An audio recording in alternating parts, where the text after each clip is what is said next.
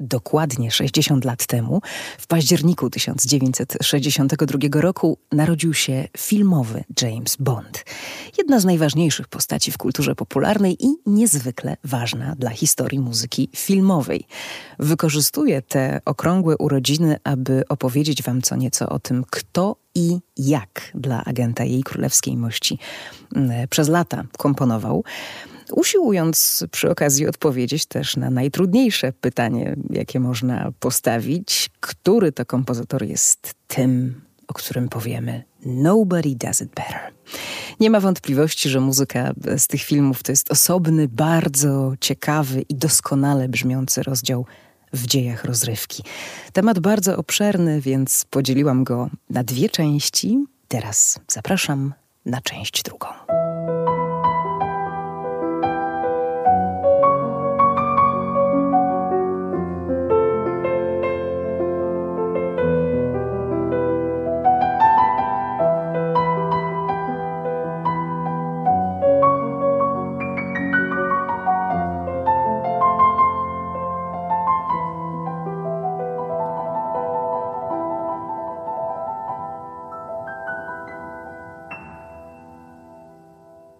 Score and the City to podcast o muzyce filmowej. Słuchacie go bezpłatnie na wszystkich platformach i na moim YouTubie, ale dziękuję za każde wsparcie, kiedy chcecie i możecie to zrobić. Można mnie wesprzeć fundując mi wirtualną kawę w serwisie Buy Coffee 2.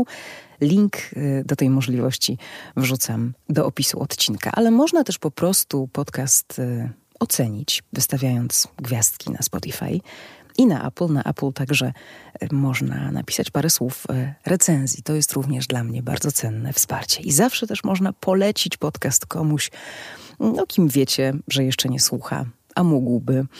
Rodzinie, znajomym, nie wiem, uczniom, studentom, bo rok szkolny się zaczął, a akademicki też teraz rusza.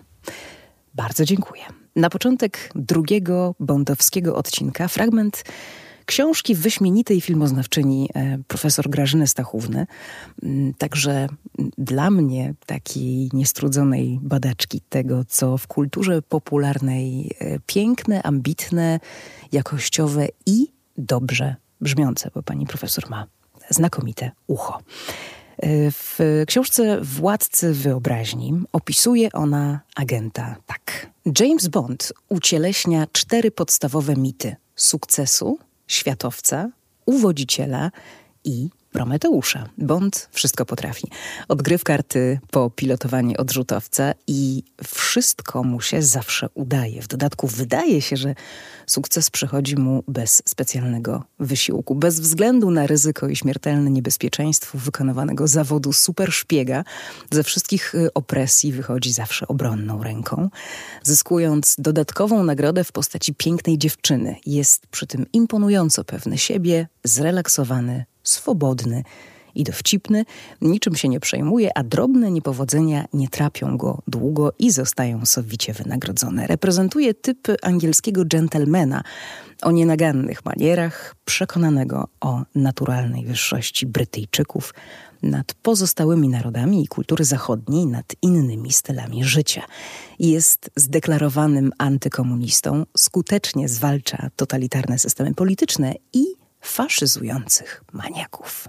I to są takie bondowskie reguły, od których są oczywiście wyjątki, szczególnie w ostatnich e, częściach, bo choć e, pani profesor e, pisała te słowa myśląc o tej pierwszej fali filmów bondowskich, to te ostatnie pokazują już nam mm, też człowieka, który nie jest już taki pewny swojej siły. Mm, może jest też trochę mniej e, zabawny, ale dalej towarzyszą mu piękne kobiety i dalej, przynajmniej do ostatniej części, wszystko uchodziło mu na sucho. I teraz pytanie, czy to wszystko, o czym e, przeczytałam przed chwilą i o czym wiemy, da się zawrzeć w muzyce? Gdzie jesteśmy w tej opowieści? Przypomnę Wam y, najważniejsze. Charakterystyczna muzyka do Bonda rodzi się wraz z pierwszym filmem, doktorem No, w roku 1962. Kompozytorem jest Monty Norman, który melodię dla swojego bohatera kradnie z partytury musicalu nad którym kiedyś pracował, a który ostatecznie nie trafił na deski. Musical ma e, takie indyjskie korzenie, w związku z tym, jeśli dobrze się wsłuchacie w, mo w motyw bondowski, ten podstawowy, być może e, usłyszycie, że to faktycznie jest e, gdzieś taki mm, indyjski rys. Producenci mm, angażują też Johna Barego, młodego, świetnie zapowiadającego się, utalentowanego brytyjskiego muzyka. Po co? Bo Barry ma nadać Bondowi charakter. Aranżuje muzykę Normana w sposób, który na 60 y, lat już zawsze kojarzony będzie z 007. Jego największymi inspiracjami są szpiegowskie seriale amerykańskie, innymi Peter Gunn. No, zajrzyjcie na Spotify, jest playlista mm, zatytułowana y, Score in the City. Tam wrzuciłam y, te przedbondowskie tematy do posłuchania, a Peter Gunn to jest muzyka Henry'ego Manciniego. Od trzeciego filmu John Barry już samodzielnie pracuje nad muzyką, pisze też piosenki. Porzuca Bonda i do niego wraca.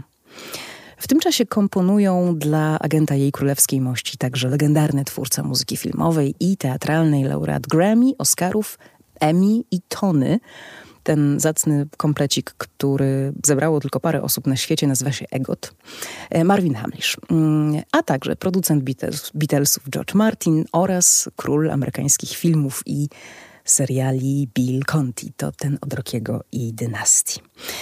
Różnorodni są też wokaliści i wokalistki od Shirley Bassey, najsłynniejszej artystki śpiewającej dla Bonda, przez Louisa Armstronga, Paula McCartneya, aż po kilka mniej znanych nazwisk, którym te filmy zapewniły trwałe miejsce w historii muzyki.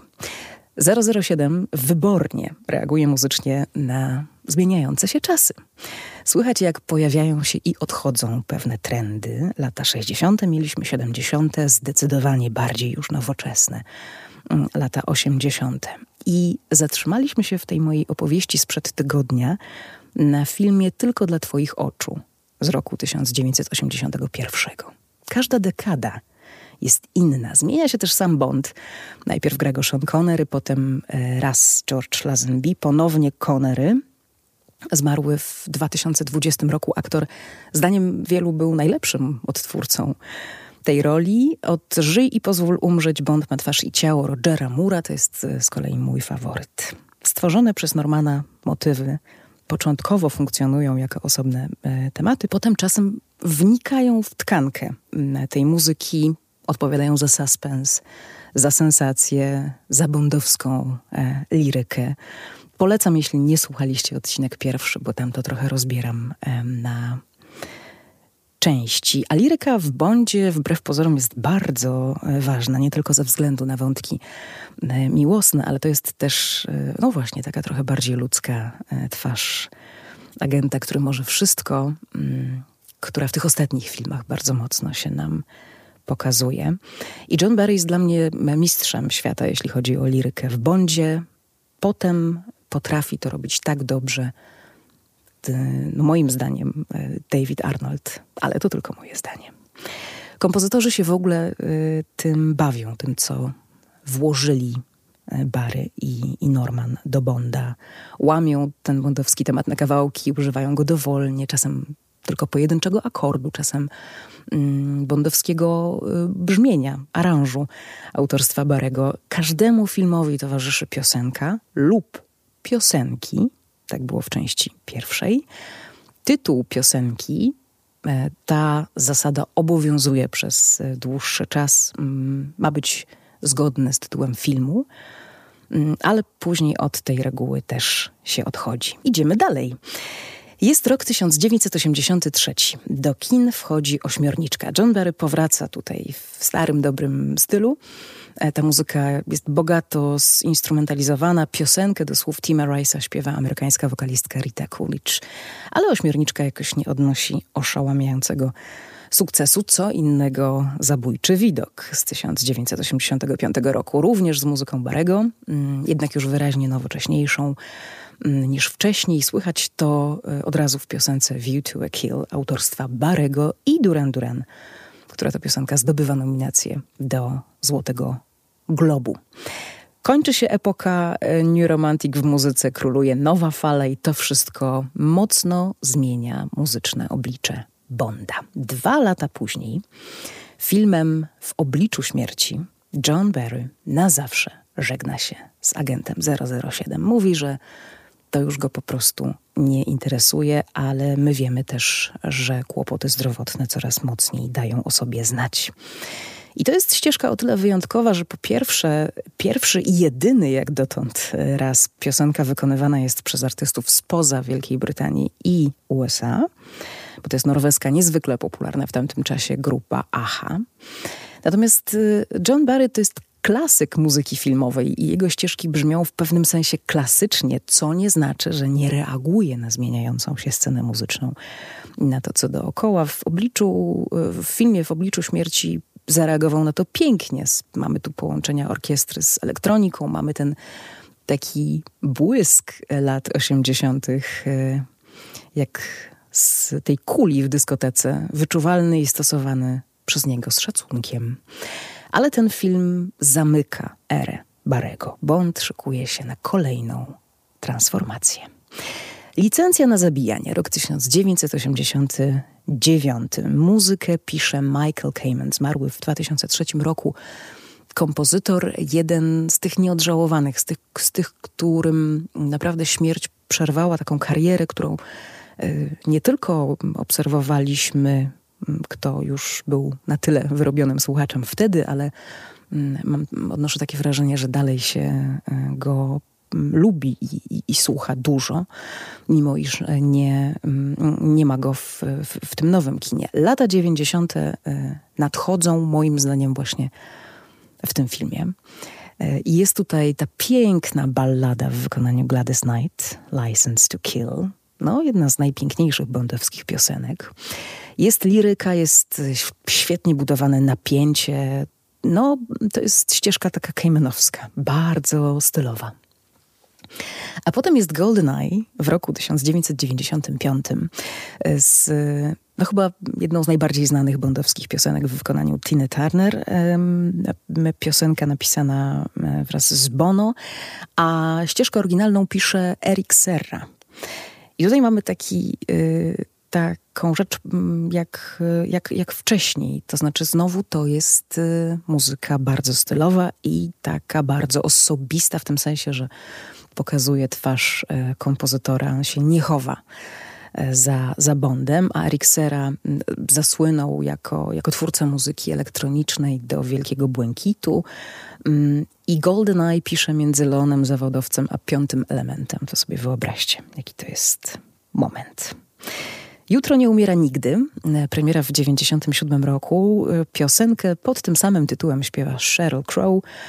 To jest rockowy song, e, świetna kwintesencja lat 90. w muzyce e, rozrywkowej. Mm, nadchodzi też wraz z tym filmem epoka Davida Arnolda, która potrwa przez pięć filmów. Legenda głosi, mówię legenda, bo sam David Arnold trochę y, y, no, rozwiewa te, te historie, ale legenda głosi, że, y, że Arnolda polecił producentom sam John Barry po przesłuchaniu takiej płyty, którą Arnold nagrał z coverami bondowskich utworów, przebojów.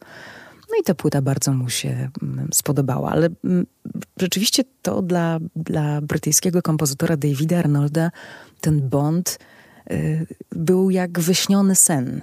On y, oglądał te filmy, kiedy był małym chłopcem, dorastał gdzieś na brytyjskiej prowincji, gdzie nie było niczego. I no, taka robota to, to był jakiś szczyt marzeń w ogóle pisać dla, dla Jamesa Bonda. Jakoś tak, nie wiem, mogę oczywiście, rozmawiałam o tym z Davidem Arnoldem kiedyś, on tego tak nie ubrał w słowa, ale wydaje mi się, że to jest trochę tak, że że on się całe życie przygotowywał swoje, swoje do tego, żeby pisać muzykę dla Jamesa Bonda.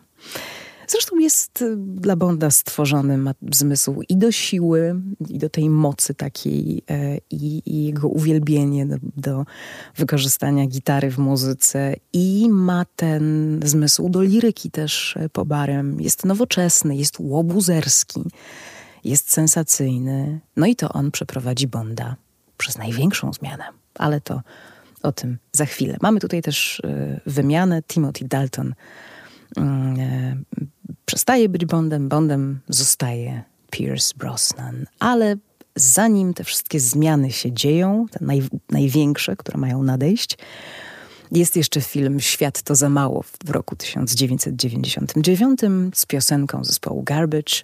Muzykę pisze Arnold i goni tu czasy. Znów jest e, tak współcześnie, ciężej.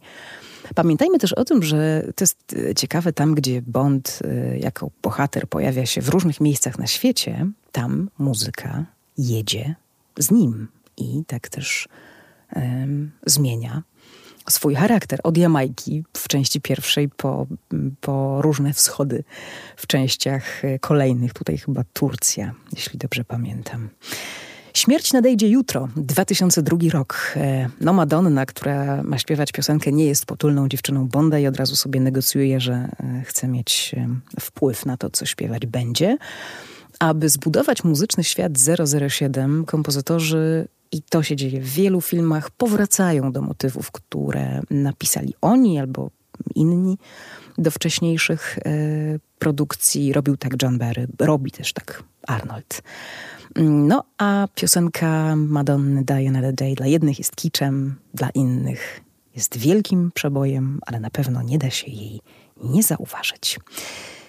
I nastaje moment wielkiej zmiany. Casino Royale 2006 rok. Nad muzyką współpracują David Arnold i Chris Cornell, zmarły w 2017 roku. Artysta, który tą taką mocną, um, głośną piosenką You Know My Name wyśpiewuje wejście Daniela Craiga jako Bonda. Bonda, którego nikt by się nie spodziewał. Mała prywata to jest jedna z moich ukochanych ścieżek, właśnie ze względu na tę bondowską lirykę, którą David Arnold tak pięknie przejmuje po barem i, i rozpisuje na nowo. Kiedy słucham City of Lovers, to mam ciarki za każdym razem. To, co robi David Arnold, y, mogłabym zamknąć w słowach wstrząśnięte, niezmieszane, bondowskie. Film Quantum of Solace w roku 2008 dalej ma ten łobuzerski ton e, Davida Arnolda, jest jednak poważniejszy. Piosenka Alicia Keys i Jacka White, Another Way to, Another e, Way to Die, to jest jedna z najmocniejszych piosenek bondowskich, taka wręcz alternatywą pachnąca. Mm, I jest to pierwszy duet, i chyba też jak dotąd jedyny. Tym filmem Arnold kończy swoją przygodę z 007. Czy definitywnie? To się okaże, bo nie wiem, czy, czy deklarował to, ale myślę, że jest do wzięcia, jeśli chodzi o, o tę robotę. I potem jest Skyfall w 2012 roku. Thomas Newman wprowadzony przez reżysera Sama Mendeza, taka jest praktyka często, że reżyser wprowadza na pokład swojego człowieka. Adele śpiewa piosenkę pod tym samym co film tytułem i uwaga, to się nie dzieje wcześniej. Ta piosenka dostaje Oscara.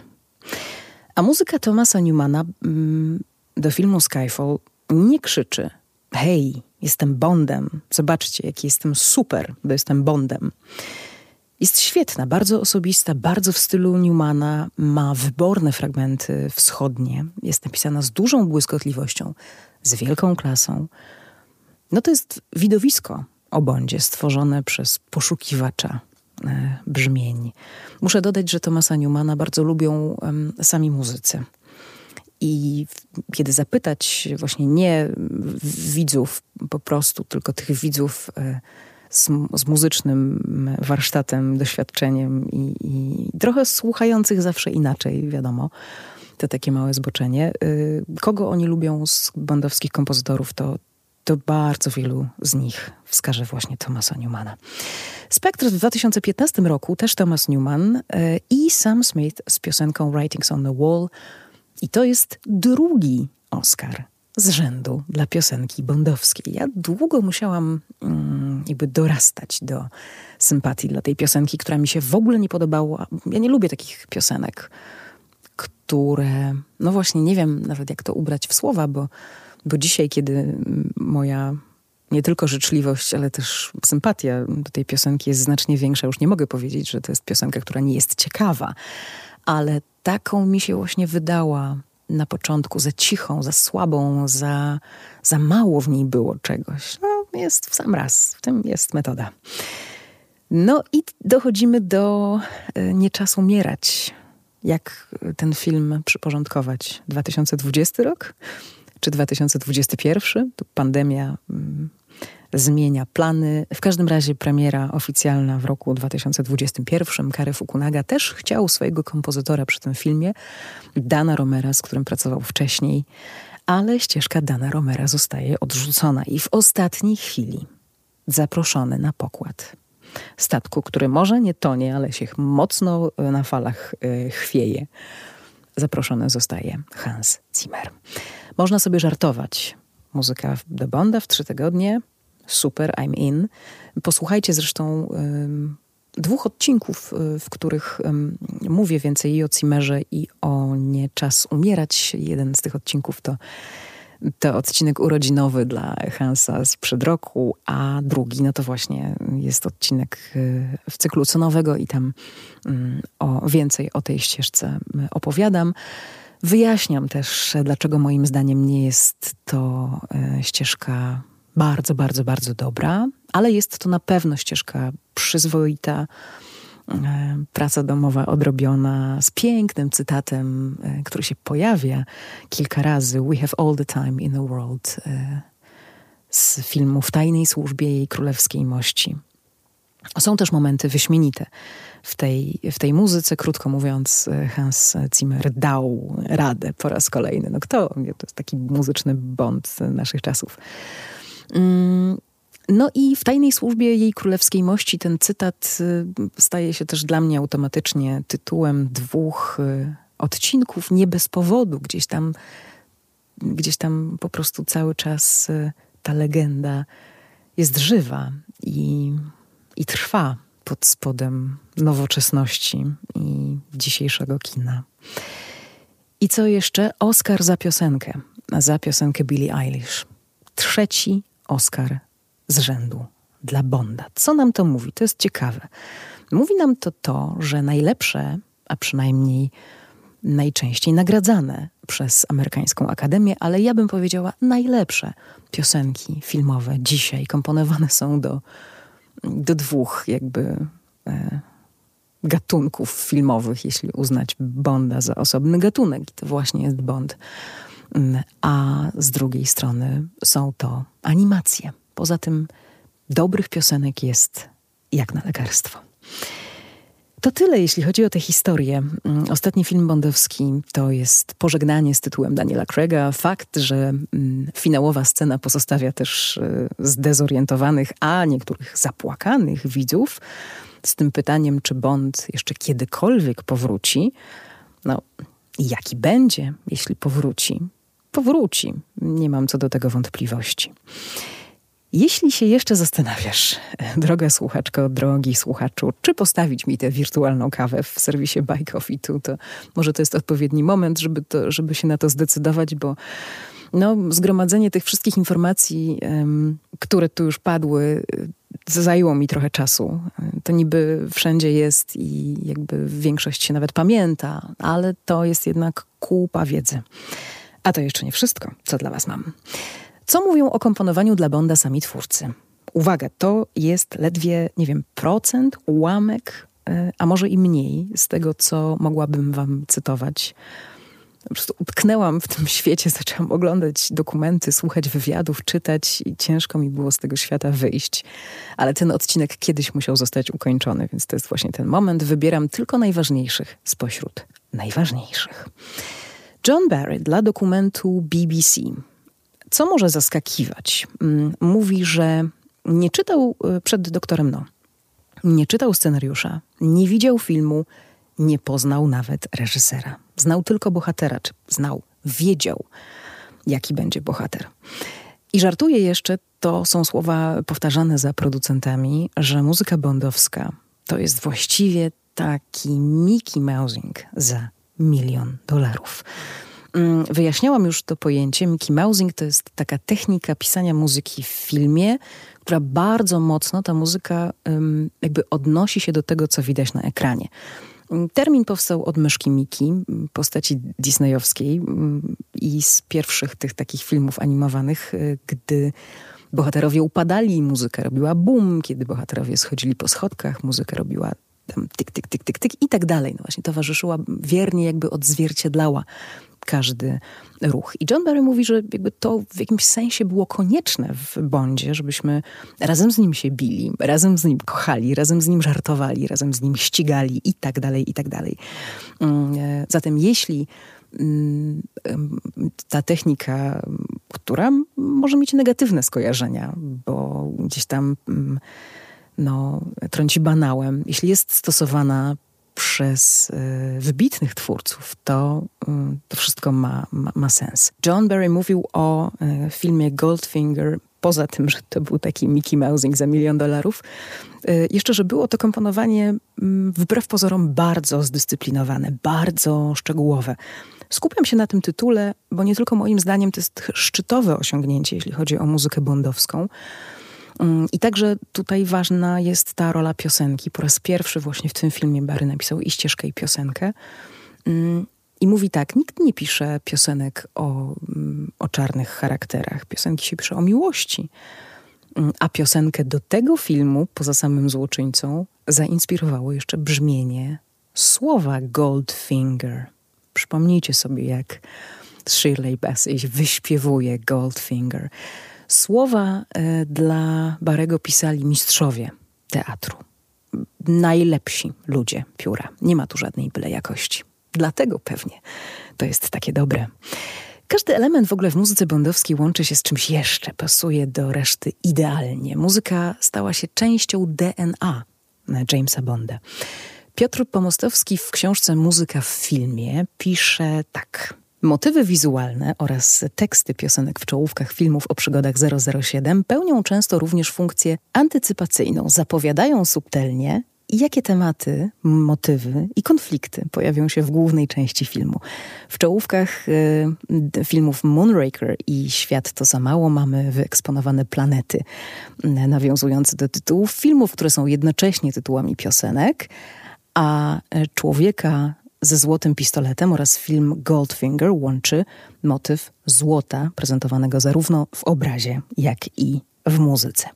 W czołówkach żyje się tylko dwa razy oraz w Quantum of Solace w warstwie plastycznej mamy z kolei zapowiedź miejsca akcji. W pierwszym przypadku Daleki Wschód, w drugim rozległe pustynie w blasku dnia i nocnej poświacie. Bardzo ciekawy taki e, szczegół i też tylko kawałek z tego, co można sobie wyłowić, przyglądając się czołówkom i wsłuchując się w muzykę i w piosenki wyraźniej.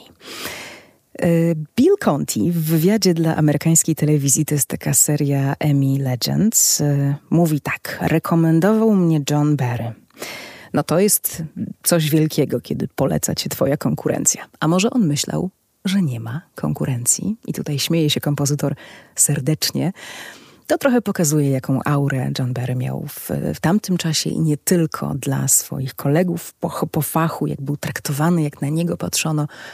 Mm, no i może też gdzieś, dlaczego to właśnie on dostał Bonda do zaaranżowania na samym początku. Piękny komentarz od y, Thomasa Newmana mm, o komponowaniu dla Bonda. Niestety nie mam źródła, bo ten komentarz był w moich notatkach e, takich starszych, znalazłam i no nie dołączyłam tutaj um, źródła, ale powiem, może wybaczycie, niosę poduszkę, na której leży coś jeszcze. Tak powiedział o komponowaniu dla Bonda. David Arnold w książce Score został zapytany, dlaczego przytrzymał bondowski motyw główny tak długo w Casino Royale. Odpowiada. Bo temat bondowski jest tematem bondowskim nie bez powodu. Jeśli mamy uwierzyć w to, że Daniel Craig w Casino Royale nie jest jeszcze tym Jamesem Bondem, jakim się stanie, no to byłoby dziwne, gdybyśmy od razu słyszeli jego muzykę. Wiem, że nie było to zagranie pod publiczkę. To był raczej rodzaj psychologicznej gry. O to chodzi. Casino Royale to jest chronologicznie e, historia z pierwszej książki o agencie jej królewskiej mości. Bond dopiero otrzymał dwa e, zera, dopiero staje się naszym bohaterem. No i przy tej okazji e, David Arnold powiedział tu bardzo fajną rzecz, że muzyka ma nie tylko ilustrować mm, akcję w jakiś tam sposób wymyślony przez kompozytora, ale może być też takim rodzajem bardzo inteligentnego e, komentarza do, do akcji, tylko trzeba ją czytać między wierszami, czy może między taktami. I jeszcze jeden cytat Muszę przyznać, że mam z nim mały problem, bo oczywiście jestem tylko człowiekiem. Y, zdarza mi się przeklinać, używać słów powszechnie uważanych za niecenzuralne albo nieużywanych tak często, ale nie robię tego y, publicznie. Natomiast w tym wypadku chyba zrobię, bo, bo jeśli tego nie przeczytam i jeśli tego nie powiem po polsku, to cała siła się straci, więc wybaczcie mi to od razu. Y, David Arnold nigdy nie prosił Johna Barego o ocenę swojej pracy. Choć znali się dobrze, uważał, że to by było tak, jakby, nie wiem, e, Daniel Craig zadzwonił do Shona Connerego i zapytał, stary, jak mi idzie? Poza jednym razem, przy pierwszym bondowskim filmie, kiedy to zapytał Barego, czy wie, jaki jest sekret bondowskiego tematu. A Bary odparł bez namysłu. Do whatever you like, but never forget, it must always be all about cock rób co chcesz, ale nigdy nie zapominaj, to wszystko się kręci wokół kutasa. To wszystko jest o tym. Cytuję za Guardianem, więc y, jakby źródło poważne. Muszę przyznać, że w tym jednym mało grzecznym zdaniu faktycznie kryje się tajemnica y, no tej muzyki pisanej o bohaterze, o mężczyźnie, który niczego się nie boi, nawet jak się boi, jak wiemy z ostatnich filmów.